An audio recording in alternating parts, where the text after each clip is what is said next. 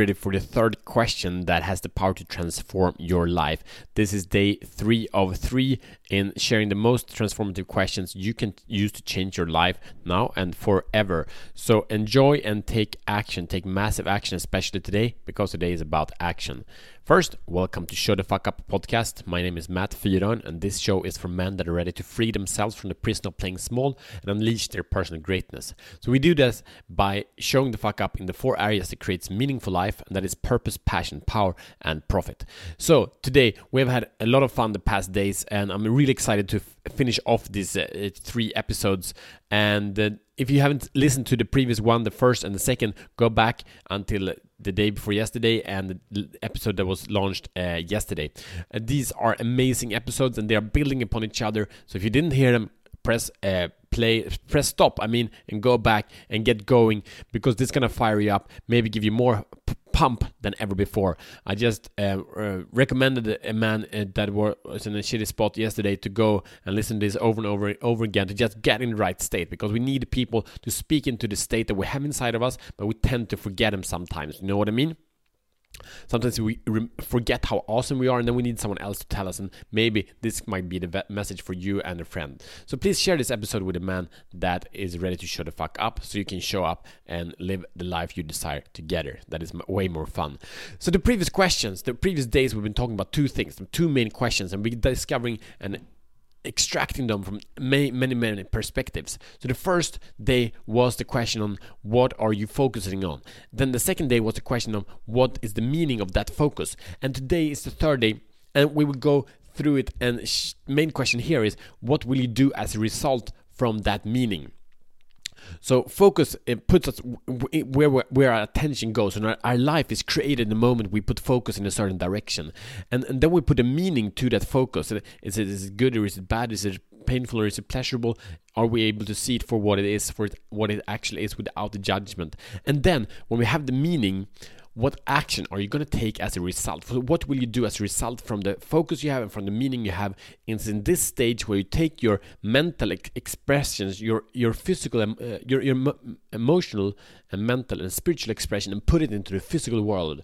This is the area of transformation, of of creation, of manifestation. Without this step, your world will not change your experience of the world will change when your actual world will not change. So this is a massive invitation. So your actions.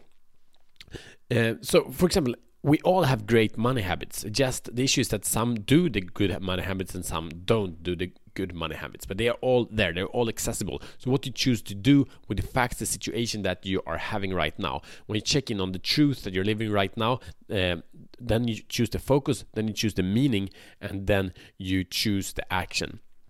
So, will you wait when you do the action? Will you wait for the perfect moment to take that action, or are you gonna act now with everything you got? And are, and are you waiting for certainty that okay, this is gonna turn out the way it will be? I'm waiting for a perfect moment for for me to show the fuck up and take action here, or are you gonna do what you can what you have right now? Right? One is power, one is not.